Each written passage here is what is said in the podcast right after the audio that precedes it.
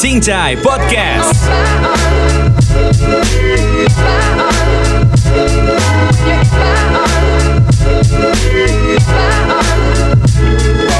Oke, selamat sore. Apa pun keadaannya Anda semua, semoga dalam keadaan yang baik. Ini Cincai Podcast episode ke-8 berarti ya. Ah. Dan hari ini eh, udah ketemu sama temen gue juga. Udah lama kita ngobrolin soal perpodcastan. Wah. Bahkan dari pertama ya, dari pertama.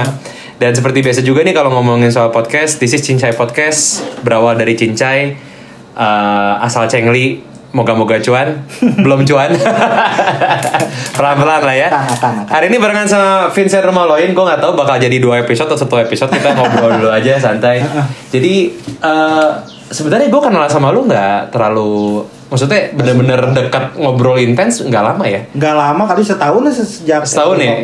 Iya iya iya setahun setahun setengah lah ya, setahun setengah. Setahun setengah. Yang lu kerjain apa aja sen berarti sen? Sekarang Ya, eh sebelum itu Vincent Romaloin berarti lu sebenarnya bukan orang Bandung. Romaloin marga. bukan orang bukan orang Bandung. Gua tuh orang Ambon. Ambon, bener Ambon. benerannya Ambon. Nyokap gua Manuhutu, Mhm. farmnya, marganya bok- bokap gua eh, rumah Loina. Oke, bokap Jadi- rumah Loina. Nah, jadi kan ikutin bapak ya kalau di- kalau di Maluku. Ah. Jadi gua pakai marga eh, rumah Loina. Cuman kalau gua orang asli asli darahnya Ah. Ambon. Cuman gua lahir di Tasik, besar di Bandung. Kumata.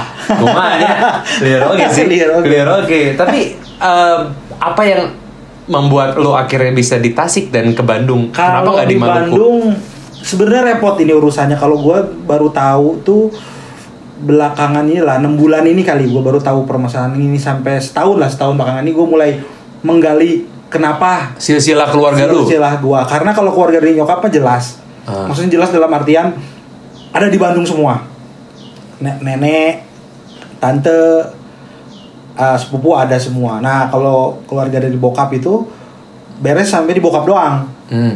Sama saudaranya, saudara perempuannya, sama saudara laki-lakinya. Ke atasnya gue nggak tahu, gue nggak pernah lihat eh, kakeknya, kakeknya, gue nggak pernah lihat bapaknya, gue nggak pernah lihat. Oh. Pokoknya missing link aja sampai sana.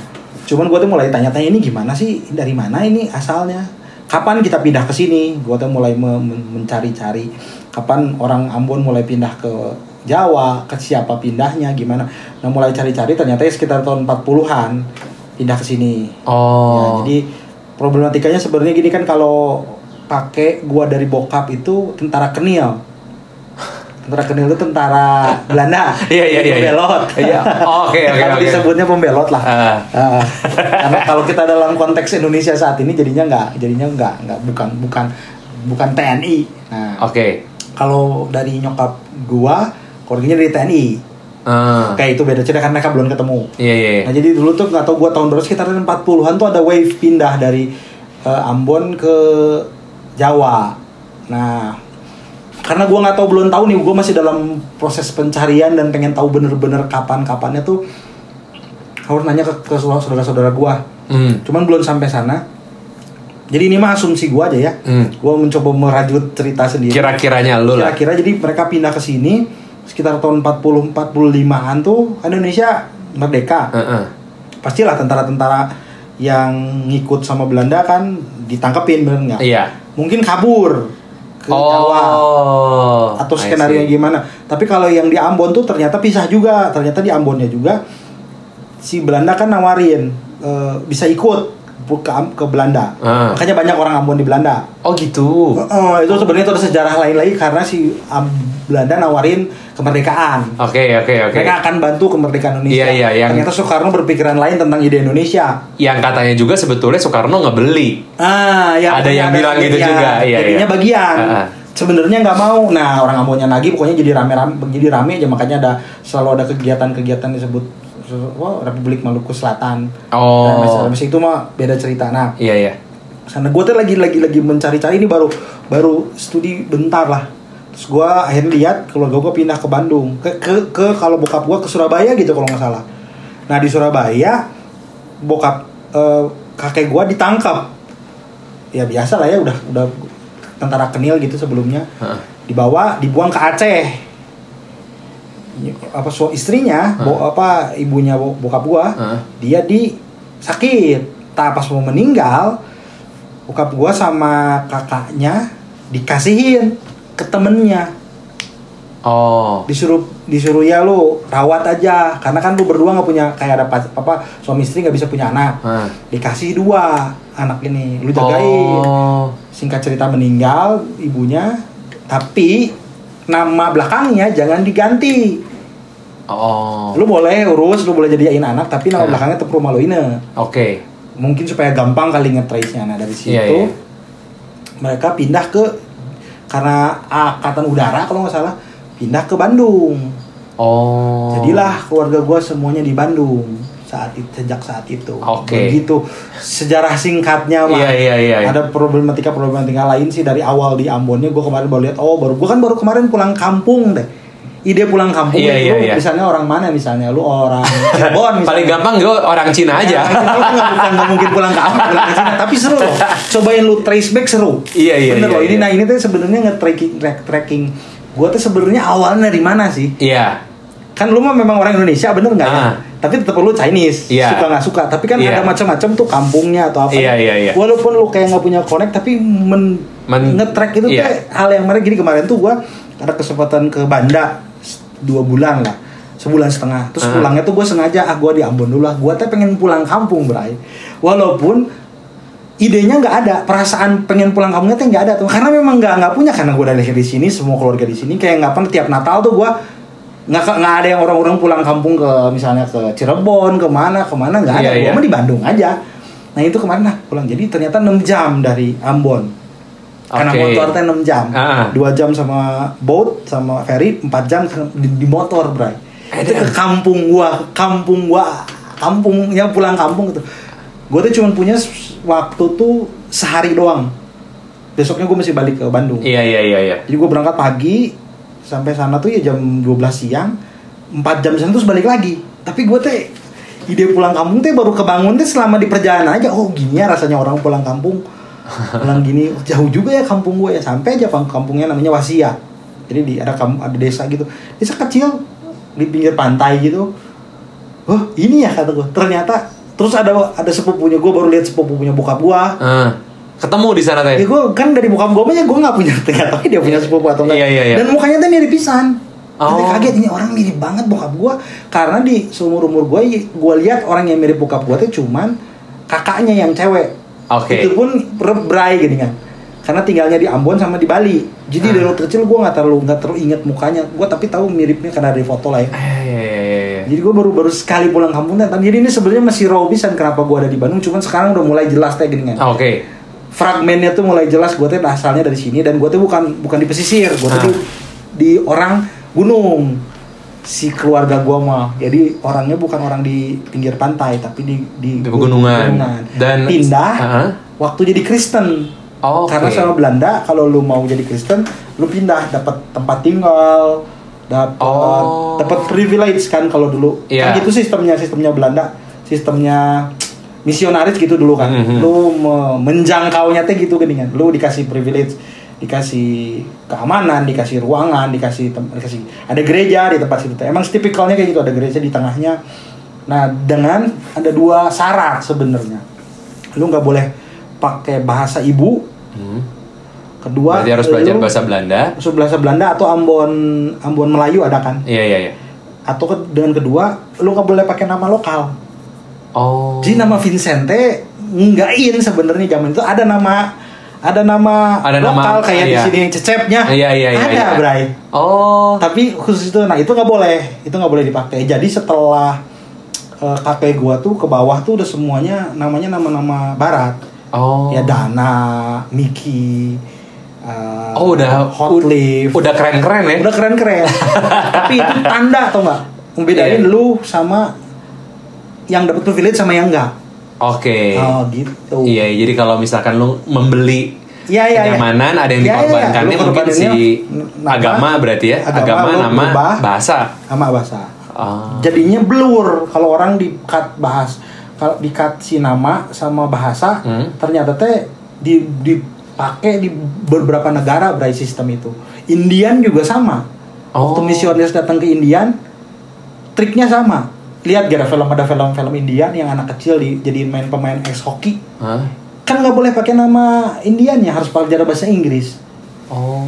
karena memang ngekat itu tuh jadi di satu sisi em- emang meng- meng- apa, memotong misalnya perilaku perilaku yang tidak sesuai dengan agama Iya, yang iya. diajarkan kedua memang jadi mentok tuh nggak kalau lu mau ngetres tek karena bahasa teh kan yang Hilang aja ya kalau kebiasaan itu ya, teh ya. banyak hal yang banyak banyak hal yang hilang dengan penggantian bahasa Oke. jadi makanya pas gua di sini bingung karena gua Sunda bukan Ambon juga dah nggak nggak Ambon segitu gitu Iya, iya, iya, cara iya. ngomong gua mungkin darah doang Heeh. eh Sunda mau dipus gimana nama gua tuh Vincent lain Vincent?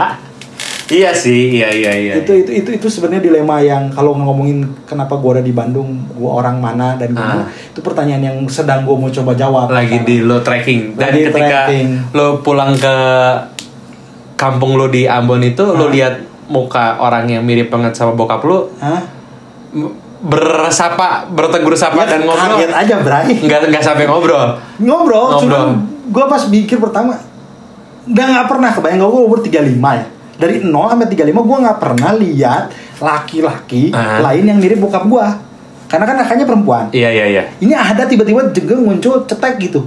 Iya iya iya. Potongan badannya sama tulang-tulangnya sama rambutnya mirip mukanya mirip aja. Iya iya iya. Ini, ini aneh gini iya iya kayak pengalaman visual baru teh gini, gini. kayaknya gue nggak pernah deh lihat ini kayak lu nonton Kung Fu Panda yang ketiga nggak Gimana, gua? emang gitu aja Ya, si gitu. panda itu nggak pernah ketemu panda yang lain Nah, kayak gitu gue tuh kenapa, Iya, iya. kayak gitu Iya, gitu. akhirnya gue dapat satu penggambaran yang sesuai Nyatanya ya. gitu itu kan Iya, gua, iya. "Ah, ini siapa ya kata gue terus dia ngobrol gue tuh ngajak ngobrol nggak ngobrol cuma Ngobrol. gue nggak Tidak nggak di situ. memperkenalkan diri lu tidak, gue teh rumah lo ini karena tahu juga. dia udah nunggu mereka udah tahu dari dulu bokap gue pernah ke situ tahun berapa gitu Oh, Pernah ke oke, situ. oke. jadi mereka masih tahu bahwa ada keluarganya di di, di Bandung Oke, dan lu Cuma memperkenalkan diri gue teh yang dari Bandung nih gitu. karena gue udah bilang dulu kan gue mau datang ke situ jadi udah Oh. kontak ke situ jadi udah di- ditungguin Oh, iya iya iya iya.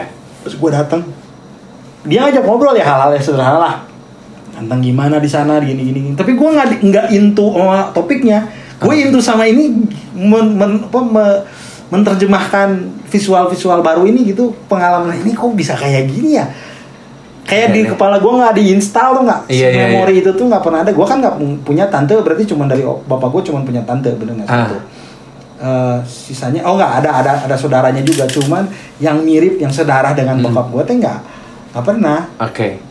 gue dekat sama sama saudara eh, eh, angkatnya juga Nah, dua kan ada laki-laki ada perempuan. Gue kenal kenal mereka kenal mereka deket bahkan. Kayak tante dengan om sendiri. Cuman yang mukanya mirip kan beda ya? Iya iya iya iya. kayak ada kopiannya gitu. Ah. itu yang gue nggak bisa. Itu mah memang Darah ya, darah itu mah kayak ya koneksi dan macam-macamnya. Itu yang nggak bisa lo ini gimana ya cara terjemahinnya Oke. Kata gue nggak bisa diterjemahin lah itu susah. Berarti orang kalau dalam tanda kutip ya berarti orang kayak lu lebih minoritas daripada orang kayak gue dong.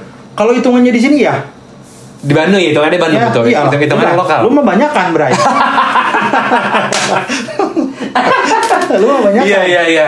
Apalagi di jam tertentu dan di tempat tertentu iya, ya. lu lebih banyak gua. Gua lebih double lagi asingnya. Kebayang nggak udah di luar lagi di jalan gua udah asing, begitu masuk ke suatu tempat jam tertempat ketemu lu banyak Iya kan iya iya iya juga. iya iya. iya. Gua sekolah waktu SMP di sekolah swasta. Lu nya Lu ya, banyak. lu, lu Yahya ya? Gua dari enggak, gua dari SD sampai SMP tuh di sekolah swasta, swasta Katolik. Oke, lu di mana sih? Di? Pandu, Pandu. Oh, Pandu. heeh. Oke. Ya, itu kan banyak banget lu nya. Iya. Gue SMA-nya pengen aloy, kebayang nggak? Ah, iya, Kalau iya, gua iya. sampai masuk aloy. Kalau lu masuk Ale berarti gua satu kita seangkatan harusnya. Gue pengennya tuh dulu tuh rencana hidup gue tuh SMA-nya Aloy, Heeh. kuliahnya Unpar, kebayang nggak? Aiden, iya itu iya. udah iya. kayaknya udah nggak nggak cuman ya apa Akhirnya- akhirnya ke mana lo? Akhirnya SMA akhirnya SMA gue ke 9 ke negeri 9 Oh, SMA ke sembilan. karena secara mampu gue mampu masuk masuk masuk Aloy. Iya iya iya. cuman secara finansial yang nggak sanggup.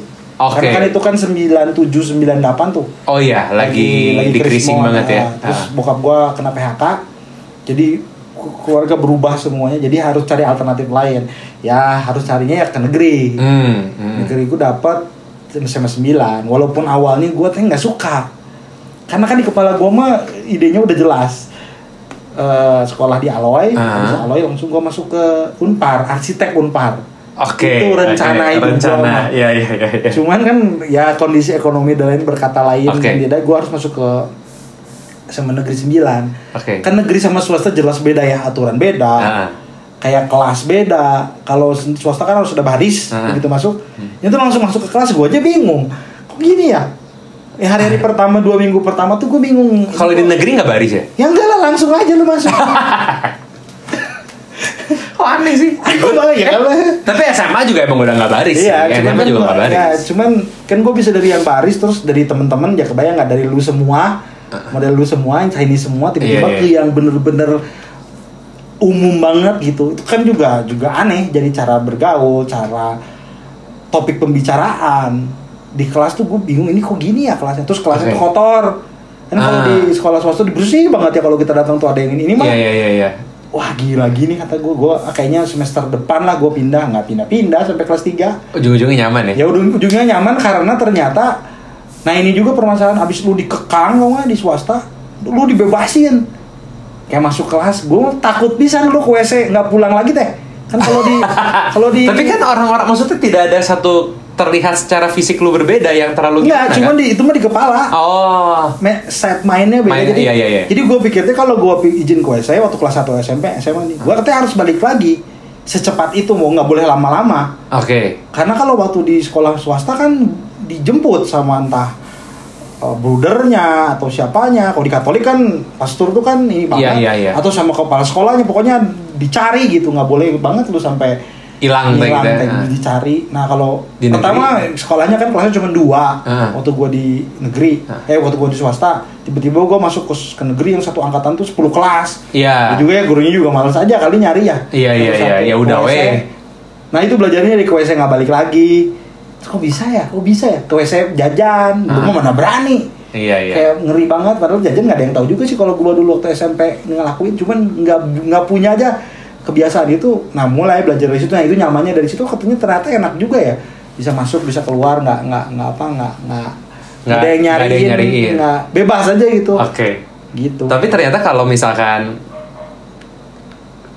suka membanding-bandingkan kan. Maksudnya? Orang tuh suka ngebandingin Iya. gitu. Hmm. Jadi maksud gua kalau misalkan dulu lo ternyata bisa kesempatan kan gue dari Aloy berarti kita Hmm. Iya, iya, memang iya. berseberangan ya Iya, iya, iya, iya. gitu dan gue sekarang berpikir bahwa gue tuh justru malah pengen masuk negeri Ya ya ya ya. ya. dari gua ya, Ya, gitu. Ya ya ya. Eh, berarti kalau misalkan sekarang dikasih satu semacam alternate universe lah gitu ya, ya, ya. lo masuk Aloy dan lo masuk Unpad dan lo arsitek, kira-kira hidup lo kayak gimana? Oh nggak rame, nggak rame Bray, nggak rame. Tapi gua ya kalau kalau lihat kalau kita ngomongin hari itu waktu gua sekolah nggak sama sekali. Karena pertama gua nggak ingin semua berubah tidak sesuai rencana. Tapi kalau gua ngomong sekarang lihat ke sana, wah bagus pisan itu teh. Pengalaman bagus pisan. Contoh, Gua gua jadi kenal sama orang lain selain Chinese. ya, Terus gua mengerti ada kegiatan lain gua berse hidup bersama sama yang Jumatan ya, gue jadi minoritas kan nggak biasa gue selama SMA sama sama kelas SD sampai SMP mah gue misa pun masuk misa. Ah, ah. Dah kan leb- lebih lebih lebih keras lagi di Katolik main Islam aja ikut misa. Iya, iya, iya, iya, iya. kalau kalau di I- kalau di yang di Islam nggak usah kalau nggak di kalau pelajaran bahasa kan pelajaran bahasa- agama nih. ah, agamanya agamanya agama muslim karena kan Iya. karena kan banyaknya Ah. ya gue keluar nggak usah ikutan kelasnya Oh gitu. Iya, kalau di Oh. kalau di Katolik dulu temen Harus gua ikut. ikut jadi Harus bisa ikut. bawa bapak kami. Kata gue ya dari satu sisi gue jadi lebih lebih lebih lebih toleransi sih, lebih lebih Lebih terbuka lah ya. lebih terbuka Ah. dan lebih ngobrol sama orang. Jadi gue mengalami berbagai dan keuntungannya jadi gue kayak punya dua temen gitu. Dua dunia lah ya. Kayak dua dunia kayak Iya. temen-temen gue yang di negeri kadang-kadang kalau ngelihat yang Chinese kan ah, eh tamo pipalakeun unggul Nya, gitu nya, kan. nya, nya, nya. Kalau gue bisa kenal atau nggak bisa ngobrol, bisa ngobrol as a friend, Iya, iya. karena memang ya gue SMP-nya bareng mereka gitu. Nah itu punya sudut pandang yang berbeda aja karena gue, tapi gue nggak pernah ada di mana-mana resikonya. Oh. Karena gue jadi di tengah, karena kan tadi membandingkan terus membandingkan resikonya, lu jadi memilih guys di tengah dan nggak bisa lu ke sana Cina mau bisa jadi Cina kak, mau bisa jadi oge. Tapi gue kenal Iya. dua-duanya. Oke. ternyata gue bisa dealing sama beberapa permasalahan yang nggak dimengerti di sana. Tapi juga kalau yang Chinese misalnya aduh nggak ber nggak nggak nggak kenal. Kan permasalahannya kadang-kadang kalau di yang di yang grup Chinese tuh kadang-kadang mereka tuh kayak kembali lagi bikin circle sendiri lagi. Iya. sebenarnya kadang-kadang udah mah ada stigma tentang orang Chinese ya terus lu nya makin bikin cangkang lagi ya beki parah.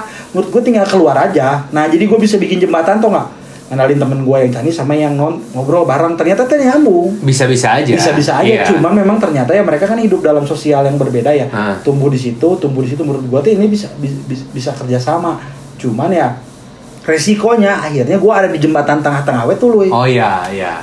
Iya, iya. karena iya. gua nggak tega mau berpihak ke mana-mana juga dan gua nggak bisa kalau nanya berpihak gua nggak ngerti dan gua secara, secara identitas juga nggak nggak clear kalau dari kesukuan gua juga nggak clear clear amat dari Hmm. ngomong gua sangat Sunda banget Hmm. tapi darah Ambon itu udah udah dua hal yang sangat berbeda dalam hal karakter suku pun berbeda orang Iya. Sunda kayak gimana orang Ambon berbeda kayak gimana terus gua masuk ke tumbuh kembang ke Chinese dan non Chinese pribumi Hmm. dan non pribumi lah kalau ramenya ngobrolnya sekarang gua ada di tengah lagi tak itu aja problematikanya selalu tentang di tengah aja terus Iya, iya, iya. ketarik-tarik di tengah jadi sekarang-sekarang gue baru sekitar setahun inilah setelah berkarya di seni rupa lama baru gue ngomongin tentang gue mah memang di tengah memang nggak pernah not good, not good enough for up kiri Iya, kanan gitu. iya, iya.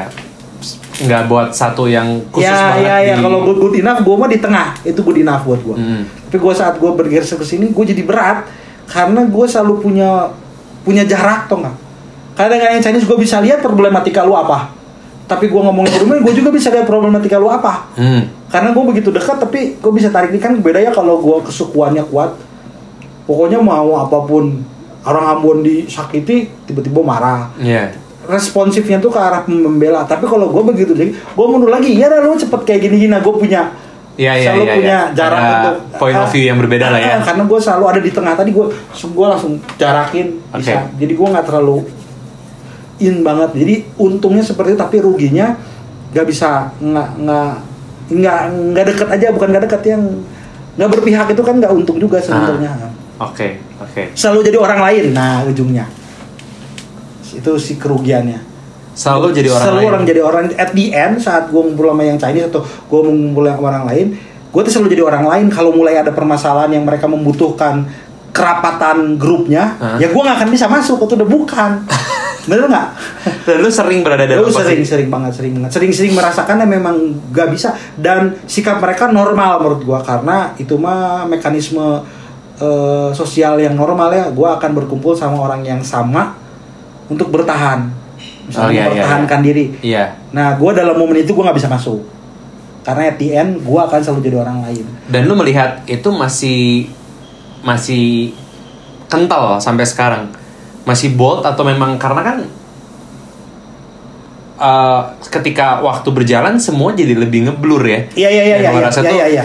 mirip sama apa yang tadi kita obrolin off air sebetulnya gitu. Jadi dari yang tadinya sangat kental sekali, Mhm.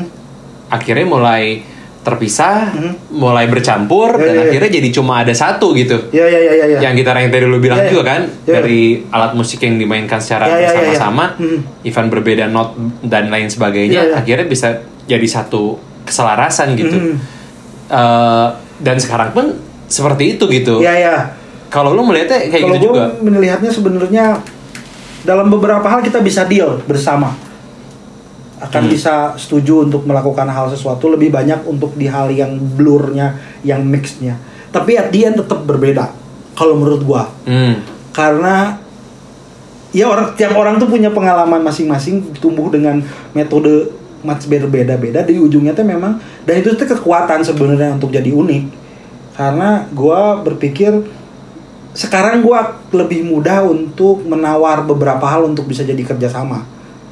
Tapi at the end mah tetap Nah kalau mau ngomongin tadi main musik setelah beres musik maka tetap sendiri-sendiri lagi. Oh, gitu. iya, karena iya, nggak iya. mungkin selalu jadinya tuh kayak kan itu idealnya ya. Hmm. kita semua bergabung karena makanya ideal ide tentang persatuan kesatuan menurut gua teh harus mengerti juga ide perbedaannya itu karena Iya. bukan bu- bu- poinnya tuh bukan semua jadi gabung bukan tetap lu mah tetap Ali Ah. Chinese Ali Ah. gue tetap Vincent nah kita bawa yang baik-baik aja di tengah untuk kombinasi untuk greater good Iya. tapi balik mah ya lu sincahan lagi gua apa gitu nah gitu jangan Iya, iya, sampai iya. hilang karena itu tuh roots yang penting Ah. yang mendefinisikan lu nah kebelingeran orang saat ini semua teh harus satu seragamnya sama. Menurut gue beli kebelinger itu udah nggak mungkin. Hmm. dah apa poinnya?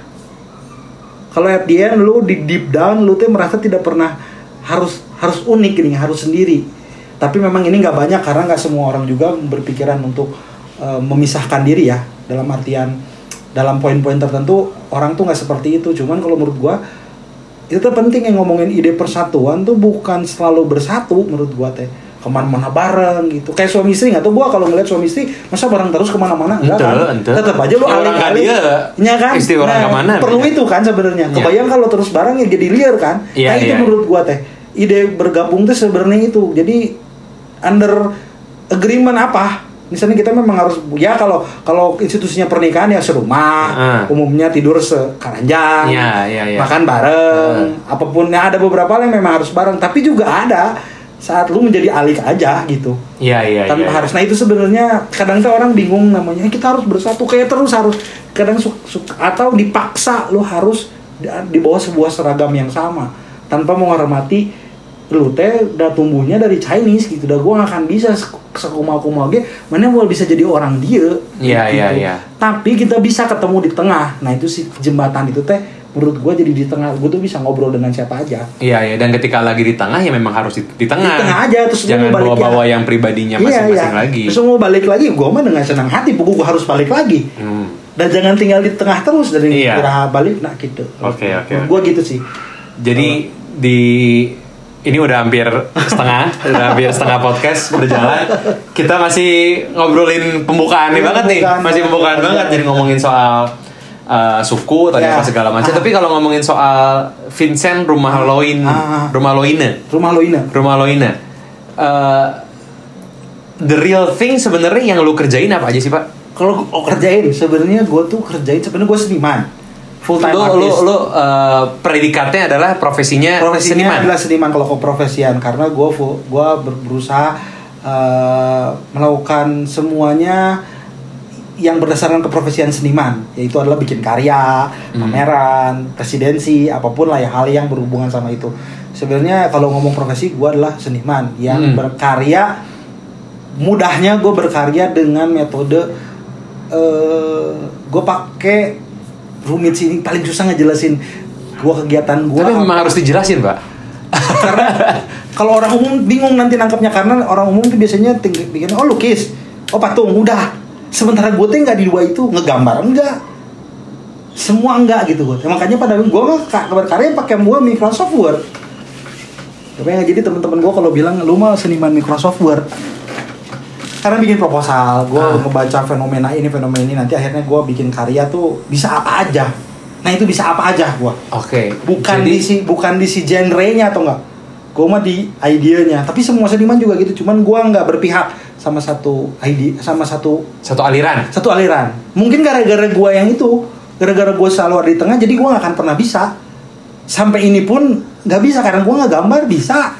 Tapi nggak ngegambar. Foto iya kali-kali foto kadang-kadang kali-kali karyanya yang cuman kegiatan doang gitu. Oh. itu sebenarnya kalau kalau kalau kalau kegiatan gue Berarti seniman as in orang yang bekerja di bidang seni. Ya. Bikin apa aja tapi tidak harus selalu berkaitan dengan Ya, itu. satu karya. Sa- satu medium Satu medium. medium atau satu gaya aliran lah, Gaya. satu satu genre. ya satu genre Oke, se- multi genre Selain seniman, Sen, gue ngapain ya seniman saja. Lu semua mempredikat. tuh gue gue inlinein sama itu sih karena buat gue apa pun yang gue lakuin tuh ada ada ada untungnya buat karir keseniman gue Contohnya apa? contohnya eh ego talks Oke. gue itu sangat menguntungkan banget buat kesenimanan gue gue mempertemukan lu sama Boyd dan kalian berjalan bersama di lain pihak gue melihat ternyata posisi kesenimanan gue tuh si membangun jembatan itu kan karya gue tentang ngebangun jembatan Iya iya iya. iya. antara dua dua nggak perlu berkarya seni yang di nggak perlu berkarya seni yang di galeri yang di museum yang di residensi sesederhana mempertemukan lo sama Boyd dan jadi ego talks tuh menurut gue udah jadi karya Iya iya itu dan juga udah gue seni bisa ya. gue bisa bis- bisa bilang di di beberapa review atau orang tanya ke gue gue lu kerjain apa ya gue mengerjakan acara di eh, Radio, radio. heeh. gue mempertemukan dua orang itu sejak abis itu kalau gue nggak perlu lagi gue berang gue nggak usah ada di situ juga nggak masalah Iya, iya, iya, karena iya, iya. memang gue seneng bikin itunya mengkonsep mengkonsep itunya dan mempertemukan orang yang tepat dan gue di jembatan itu kalian di Gotox itu kalian ngobrolin aja ya kan udah berjalan nih satu tahun setengah menurut gue menurut gue ya udah berarti bisa disebut karya ya tapi klaim karya dan nggak bisa juga cuma itu tuh salah satu kontribusi gue lah Iya iya iya iya. terhadap karena kalau karya agak nanti jadi claiming jatuhnya kan Iya iya. sebenarnya gue cuman inisiator yang bersama Boyit Alik gue menginisiasi kegiatan ini Iya Gitu. iya. jadi kalau gue bahasanya kalau di kalau di art world kalau Hmm. gue jelasin tentang tentang ego talks gue Hah? bilanginnya gue initiate dengan dua orang yang berlatar belakangnya tidak seni rupa tidak seniman. Nah itu sebenarnya. Paling semuanya gue inline coba inline gue kawinin sama apa yang gue kerjain dan mau nggak mau pasti pasti ke situ sih. Kalau kalau gue bisa aja sih bisa aja nemu nemu persamaannya gitu. Hmm. bukan di sama-samain ya.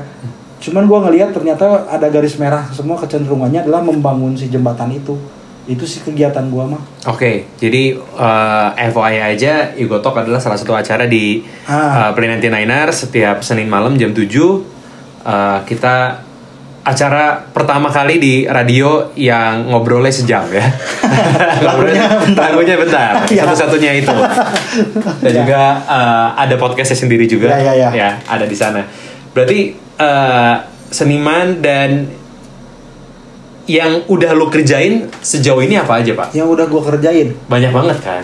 banyak Kayaknya nggak bisa satu episode sih. ya ya ya Harus ya, ya. Kita Gua yang ulik dulu deh. paling umum paling umum aja gue pameran jelas pasti Ah, pameran. terus, eh, residensi Oke. terus gue bikin sanggar Residensi adalah Oh residensi adalah se- seorang seniman diundang ke satu daerah Heeh. di mana pun bisa dalam negeri bisa luar negeri untuk berkarya dengan hubungannya dengan lingkungannya. Karena kan lingkungan beda-beda ya. Hmm. lingkungan di Bandung lingkungan di Jogja beda lingkungan di Amsterdam beda di mana beda. Nah lu ditaruh di sana lu merespon ruangan di sana sosial di sana dan lu bikin karya yang bisa dipresentasikan di sana. Itu Hmm. residensi.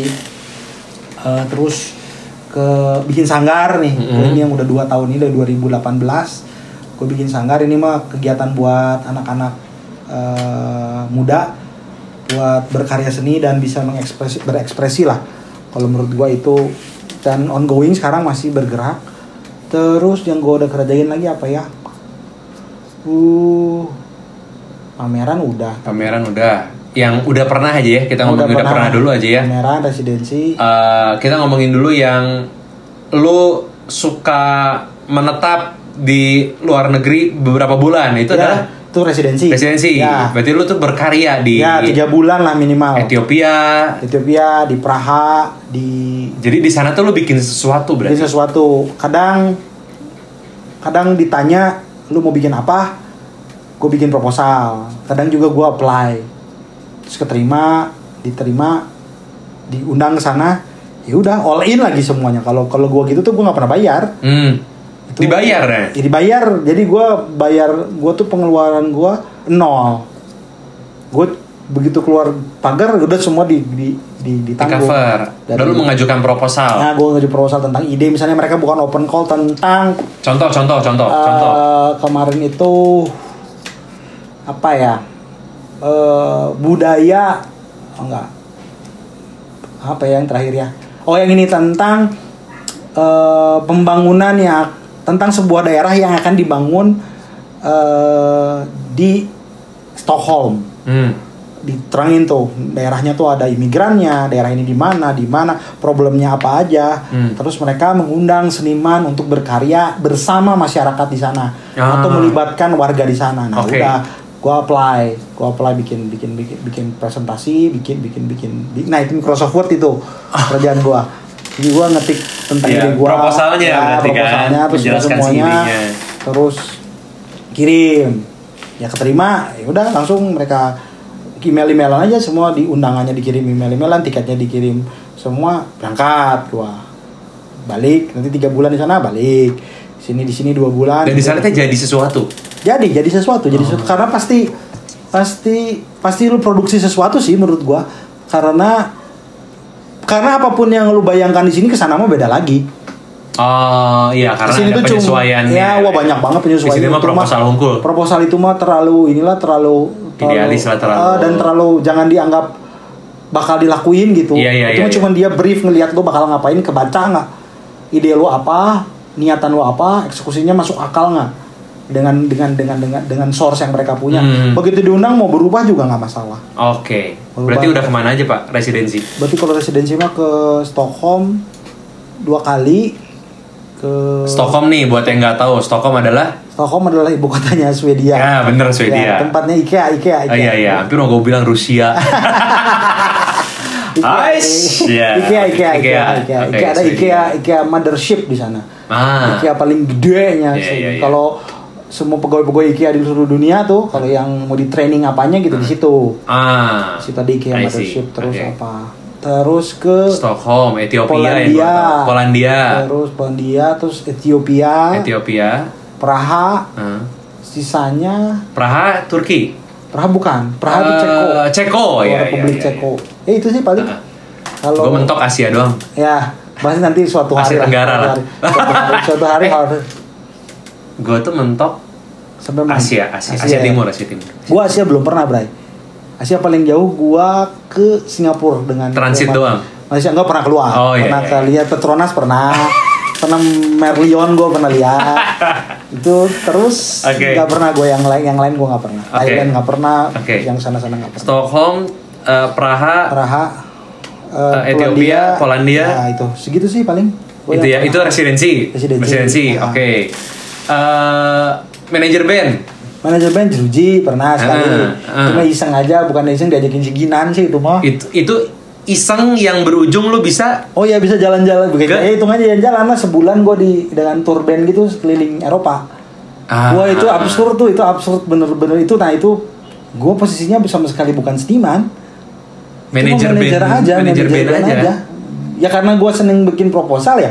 Hah. Jadi masalah Microsoft Excel sama Microsoft Word mah udah tutup mata gue. Iya iya iya iya. Gimana bikin budgeting, gimana bikin surat menyurat, gue udah udah Hatam lah. udah hatam itu mah kayak surat ke KBRI surat ke mana gue yang suratin semua ngatur schedule gue Oke. karena kan ya itu mah ilmu-ilmu yang gue dapetin saat gue bikin residensi residensi sih nah itu itu tahun 2017 ya si Ginan tuh ngajakin Ginan sebagai apa Ginan tuh dulu tuh kan vokalisnya almarhum Ginan tuh Ah. vokalisnya Jeruji. Kan gue kenal sama dia di rumah Cemara. Iya. deket banget di rumah Cemara nongkrong banget nongkrong bareng. Gak, gak lama tuh eh, Jeruji lagi cari vokalis.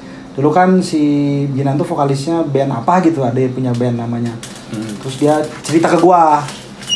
Kurang iya, diajakan. diajakan oh ya dia bilang dia mulai aja main main band di sana. Oh bagus lah terus gua tuh datang ke eh, rekaman mereka yang album keberapa tuh lupa.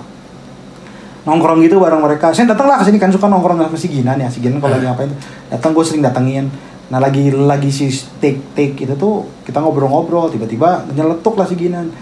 Karena sebelumnya gitu kita pernah kerja bareng yang sama Manchester United wah itu lebih brut lebih absurd lagi Ah, tuh. itu dan- rumah Cemara dan Manchester United itu Iya, iya, iya, kacau iya, banget iya. bukan kacau banget cuma ah, itu mah itu mulai gue dulu waktu kuliah lulus kuliah tuh pernah ngerjain proyekan-proyekan gitu kayak proyekan patung gue bikinin timeline gue bikinin budgeting kayak gitu. Jadi gue pas bikin sama rumah cemara tuh bisa juga. Iya iya nah iya. itu sukses. Jadi gue sampai ke Old Trafford segala gara-gara itu. Dah jadi sama si Ginan tuh udah tahu cara kerja kita masing-masing. Ah, terus dia bilang ya si Vincent bisain katanya. Untuk yang gini-gini mah.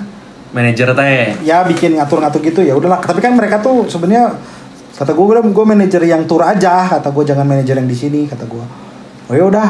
Gue minta suratnya dong kata gue surat undangannya. Karena sementara itu tuh mereka lagi sibuk ber, ber, berproses Nah. bikin album Nah. nggak ke nggak ke fit nggak nggak nggak ke reply kan dengan si emailnya. Iya, terus iya, mereka iya. juga bertanya-tanya ini serius gitu mau ngundangin kita? Main ke Ah, Eropa teh tour. lihatnya dari YouTube cina.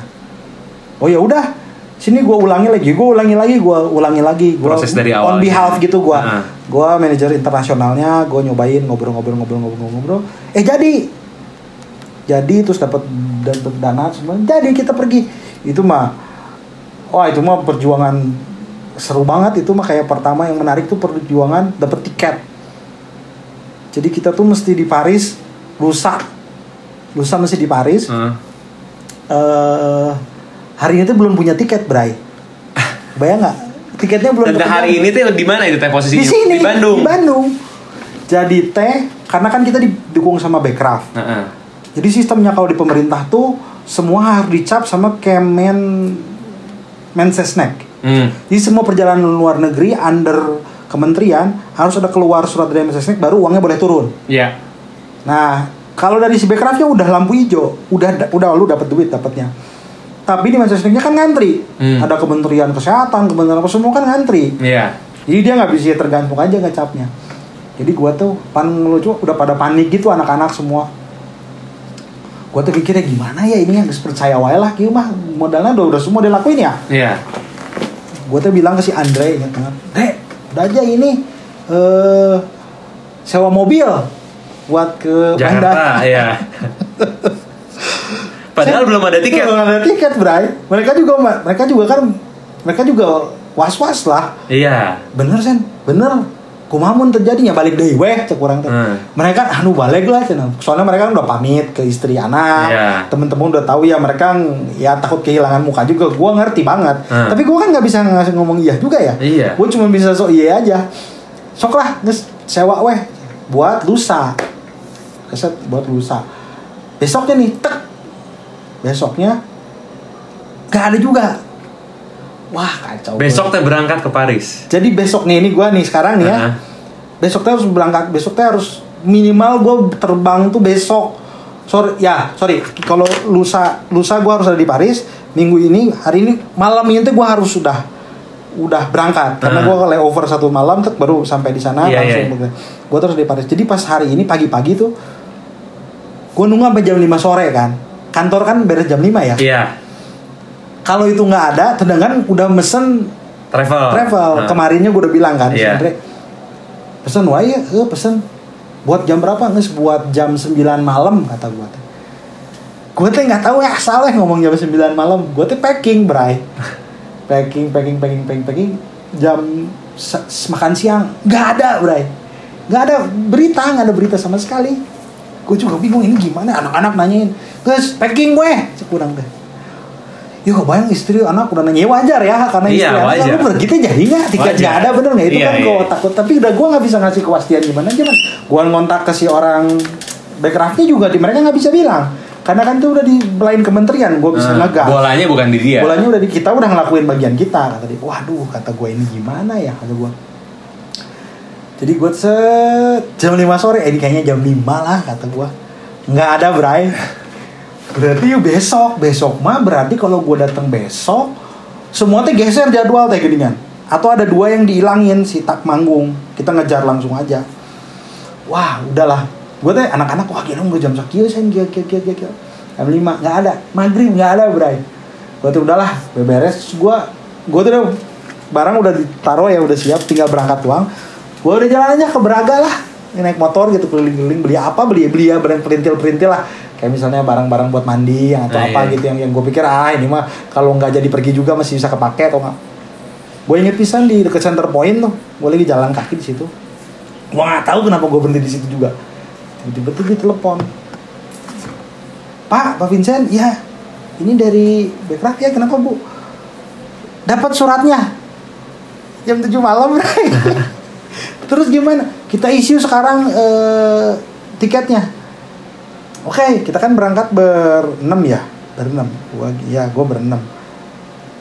Pertama tuh kita minta tujuh. Gue udah bilang ke si mbaknya teh mbak yang satu nggak jadi nggak dapet visa jangan beliin tujuh ya. Nah. udah berapa kali gue emailin dia tuh itu. Setiap gue email tuh jangan beliin. Karena panik bray gue mbak tadi beliin tujuh pas dikirim ke gue ini mas apanya eh, Tiketnya. tiketnya Eh. berangkatnya tuh jam 3 pagi jam 4 pagi kapal flight pertama aja pokoknya Di malam itunya juga langsung. jadi malam jadi gue ini jam 6 sore Heeh. Jam 3 subuh tuh Jam lu udah berangkat. udah untung gue nyewa ini sih nyewa mobil Mobil teh yang So jam jam gua. 9 berangkat. Itu mau berubah semua, Bray berubah rencana semua orang telepon baru Bray berangkat jadi gue siap siap wah tiba-tiba gue nggak segera segera gerusuk kayak digerusuk gue bilang mbak ini kok belinya tujuh kenapa mas Vincent? Kan yang saya udah bilang waduh gimana ya? Ya udah kata gue cancel aja. Yang itu nggak bisa di cancel kan yang satu. Hmm. yang pulang bisa. Jadi itu rugi satu Heeh, pergi satu doang. satu. set. Anak-anak beresin apa gua ke rumah. Jam 10 malam tuh jam 11 malam dijemput gua ke rumah cet. Cus berangkat ke bandara jam enggak jam 3 dan jam 2 pagi kita berangkat pergi tuh. Cus terbang. Besoknya di Charles de Gaulle berarti kita keluar di Charles de Gaulle. Charles de Gaulle tuh si bandaranya Paris. Set, saking edan gitu, saking tight semua Ah. waktu kita ya sampai begitu sampai di Charles de Gaulle semua duduk gini. Edan tapi gini. Kayak baru sadar tau gak gue tuh udah melewat jauh pisan gitu di iya, ya. iya. Ini pas Charles de Gaulle keluar, so mereka lagi ngerokok, lagi nunggu jemputan dari KBRI. Ah. Gue harus ngontak KBRI kan itu pas Iya. dapat internet di Dubai itu gue langsung KBRI kita jadi berangkat jadi rubah tanggalnya jadi segini kan itu kan jadi harusnya mereka jemput jam segini jadi rubah teh Iya gitu iya kan. iya iya. jadinya jam berapa gitu pas gue datang set gue inget banget keluar sama anak-anak set set, taruh taruh barang-barang gitu nongkrong di luar terus pas lihat-lihat gitu kita dan jadi oke nya ini 24 jam yang lalu kita Masih di Braga. mana, masih di Braga. masih nggak tahu ini. Itu gue bisa juga ya kayak gini. Uh, nya edan kieu nya. Akhirnya nggak di dia kan itu masih gelap ya itu kayak sore atau malam atau pagi tuh sore kalau nggak salah. Ya aku bisa gini ya? Uh, ya udah set. Berangkat aja dari situ. Nah baru situ situ mulai. Tapi yang paling keren mau tiket. Eh udah nggak ada yang kalahin dari Iya, iya, si iya. pengalaman itu mah On time. on time. Di situ si si si si pengalaman manajer band mah sekali terus habis itu udah nggak. Habis itu cuma sekali doang. Oke, oke. Berarti manajer band, eh, seniman, residensi. residensi manajer manajer tinju gua pernah tinju profesional Manajer tinju. pernah pernah lu nggak tahu ini bener random ini bener-bener kegiatan Manajer tinju. Ini tinju, tinju profesional lo tau gak? Pemain tinju tinju Indosiar, tinju TVRI. Iya, nah, gue iya. pernah jadi manajer manajer Siapa petinju siapa? Dunia namanya Jundullah Muhammad Fauzan. Nama jadi gua teh ini ini kegiatan nama si Ginan, kegiatan sama si Ginan. Oh, Ginan Rumah Cemara juga ada Kan ada, boxingnya. club. Jadi 2013 tuh kita bikin boxing club sama Ginan. Ginan, gua, Rana, eh, Kang Oleh sama Jimmy itu berlima tuh bikin. Udahlah, bikin aja bikin, bikin, bikin, bikin, mak- jadi serius. Mau bikin sasana, sasana tinju aja, karena kan Rana eh, dulunya eh, dia tuh deket banget sama skena tinju lah. Ginan lagi semangat, ada Kang Oleh yang dulunya juara Asia Pasifik, Hmm. wah ini oke nih ininya gimana? Megang lah megang posisi satu. Yang kosong tuh manajer. Terus lah mesin mana bisa? Oh ya udahlah gue pikir teh manajer sasana doang. Ternyata kalau kayak gitu tuh sekalian sama manajer si pe- petinjunya gue nggak tahu ya. Ya udah aja manajer sasana nggak apa-apa lah yang kan kerjanya mah bareng-bareng ya. Hmm. petimbah tindih saat kita mulai buka buat umum si, si, si Ojan datang si Ojan datang mulai latihan Ojan tuh dulunya waktu juniornya tuh dia pernah pernah tinju tinju. Jadi dia udah senior dia bilang. Pengen masuk pro Hmm. katanya. Oh ya udah. Karena kita udah punya sasana kita bisa ngajuin ternyata. Kan gue mau buta pisan ya pertinjuan gitu. Mana gue tahu ya dan kata gue gue datang ke situ aja sebagai fotografer atau nggak? Fotografer terus ikutan ninju dulu gua. Jadi Ah. seneng seneng lah semua si Rana Rana tuh kan kenal sama skena tinju ya. Ternyata kita harus ke KTI Komisi Tinju Indonesia atau Iya, KTN pokoknya. Mana rumahnya tuh di sini di, di- ada namanya Ebet Kota Galung itu barat. Di sini rumahnya deket Unpar sebelah Unpar lah sebelah kirinya Unpar. Pas belokan banget yang ke bawah Hmm. Bukit Jarinan. Nah di sebelah itu rumahnya tuh di hook situ gue tuh udah jalan sama si Rana Sen ini kita bakal ngedaftarin si Ojan. Oh ya udah kata gue tapi harus sama manajernya oh ya gue pikir tuh ya gue berpura-pura jadi manajer aja. Karena gue Ah. nggak tahu sama sekali ya. Di jalan tuh gue bilang Ran ini gimana Ran? Eh pola apa yang mesti gue omongin? kata gue tuh Ah. gue nggak tahu. Nggak gue aja yang bergerak gue mah jadi manajer aja. Gue ya tau lah general lah ya ala general untuk ngobrol. Tapi kalau udah detail gue nggak tahu. Ketemu lah sama si bapak Ebet ini om Ebet ini. Ngobrol ngobrol ngobrol ngobrol. Wah ya bagus sekali bagus jadi tujuan kita ke sana tuh adalah men- mencarikan pertandingan. Ah. buat si Ojan di pro selang sebulan kirim surat Bray dari dari dari si komisi tinju ini. Jadi kayak map gitu map coklat gitu kayak gini map coklat gini. Isinya tuh namanya tuh Vincent. Karena kan gue manajernya ya. Iya iya iya. di telepon gua sama anak RC mas Jimmy om Jimmy. Sen hai ke RC tuh Cen. Kan lagi siang-siangnya gua gak pernah ke sana siang-siang. Biasanya tuh udah mulai sore jam-jam segini. Hmm. datang saya dia iya ya surat. Gua nggak pernah ngasih alamat rumah Semara ya. Kata gua gua nggak pernah surat surat ngasih alamat kalian. Nggak ini namanya nama lu cina. Jika nama iya mah eh tinju buka weh buka kata gue teh. Hmm. gue ambil jalan tuh buka weh. Dibuka sama anak-anak. Di dalamnya tuh buku tanding. Karena ada kayak rapotnya gitu kayak setiap petinju teh. Surat undangan sama surat kontrak. Untuk tinju. Namanya nama gue semua lik. Namanya nama gue semua anjir. Namanya nama semua gue pas gue lihat di bukunya si Oja nama gue di undangan gue edan bray gue bilang wah ini mah mulai As a serius manager, serius. ini mah serius pisan gue mah nggak nggak mempersiapkan diri se- sejauh ini kata gue teh jangan ya ini gue kerjain lah tapi abis ini gue nggak mau lagi ya ini mah tuh udah gue harus into tau nggak soalnya kan mempengaruhi karir seseorang ya Iya iya. Lu bawa nama orang. ya gue bawa nama orang ya udahlah gue akhirnya jadi itu gue jadi manajer di main di TVRI bray di Jakarta jadi backstage-nya tuh memang mencekam bray kalau tinju mah Pressure ya. pressure jadi yang lawan lawannya tuh orang timur kalau nggak salah di di sana tuh wah gini terus begitu dikenalin satu-satu gitu kan jalan deh jalan nama petinju gue tuh Hmm. pernah bray jalan nama petinju gitu tuh pernah bray Kayak Don King. gitu. Ya, gue bingung banget ini apaan ya Don banyak penonton terus edan pertandingan tinju pro ada di TV dah. Di sini ada di TV, TV nasional dan menang, Bray. Si Edan. Ojannya menang. Dapat berapa tuh? Gak tau gue kalau gue lupa ah, berapa bayarannya. Gue lupa, gue nggak lupa nggak nggak ingat harganya dapat berapa. Cuman menang, jadi lebih lebih hype lagi kan. Iya. Habis itu gue pulang, semua pulang ke Bandung. Gue bilang gak mau lagi dan Akhirnya selesai, nggak diterusin. Oh, Ojannya masih ninja sekarang. Ojan udah enggak, Ojan sekarang lagi ada di ada di rumahnya di luar kota. Cuman dia masih suka latihan, suka ngelatih. Ya. Oke oke oke. Tinju pro berapa nah gua nggak ada di dunia itu itu random ya don. Masih banyak Gua masih- yang itu lain. yang ya? paling paling ya masih banyak cuman harus ngobrol di jalan lah. Kali gue inget tapi itu yang paling gue inget tadi pasti inget banget. Uh bener ngomongin manajer. Gue pikir lu cuma nanya kegiatan kesenimanan gua doang. Enggak, yang lain. Kalau pernah ya banyak lah. Oke oke. Kita break dulu kelihatannya Iya, iya, karena iya. nanti gue udah kepikiran satu tema lagi, satu topik lagi yang bakal dibahas. Oke. Jadi kita break dulu sebentar ataupun juga kita nyambung ke episode ke-9. Yuk. Berarti eh, Cincai Podcast nanti ya. Jangan ke mana-mana. Dengerin terus berarti minggu depannya lagi bakal ada episode Ya. berikutnya ya. Thank you.